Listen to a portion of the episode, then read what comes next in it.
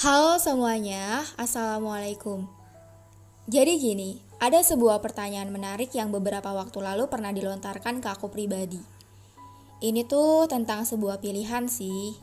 Orang ini nanya gini, Ul, kalau kamu harus milih antara menjadi manusia gabut dan manusia sibuk, kira-kira mana yang akan kamu pilih? Hmm, sebetulnya nggak mau milih keduanya sih. Tapi oke lah, aku pilih salah satunya. Dan di sini aku pilih gabut. Aku pilih gabut tuh bukan soal mudah dan praktisnya ya.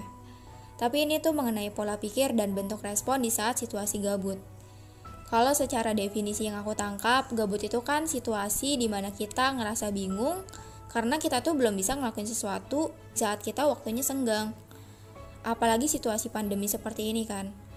Dan ketika gabut itu hadir, biasanya kita tuh berusaha untuk buat ngelakuin sesuatu biar nggak gabut-gabut banget kan. Nah, dari sini deh aku ngerasa gabut tuh sebenarnya dapat memberikan stimulus agar kita tuh bisa ngelakuin sesuatu dengan cara kita sendiri. Beda halnya dengan manusia sibuk.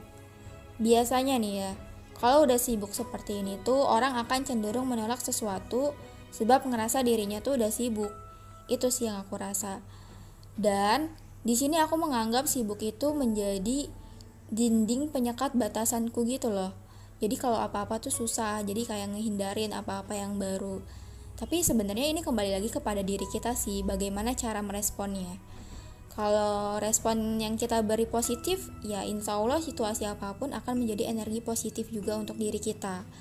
Dan mungkin saja bisa menjadi hal-hal yang bermanfaat yang bisa kita lakukan. Itu sih menurut aku ya. Ya, itu saja yang bisa disampaikan. Semoga bermanfaat. Terima kasih.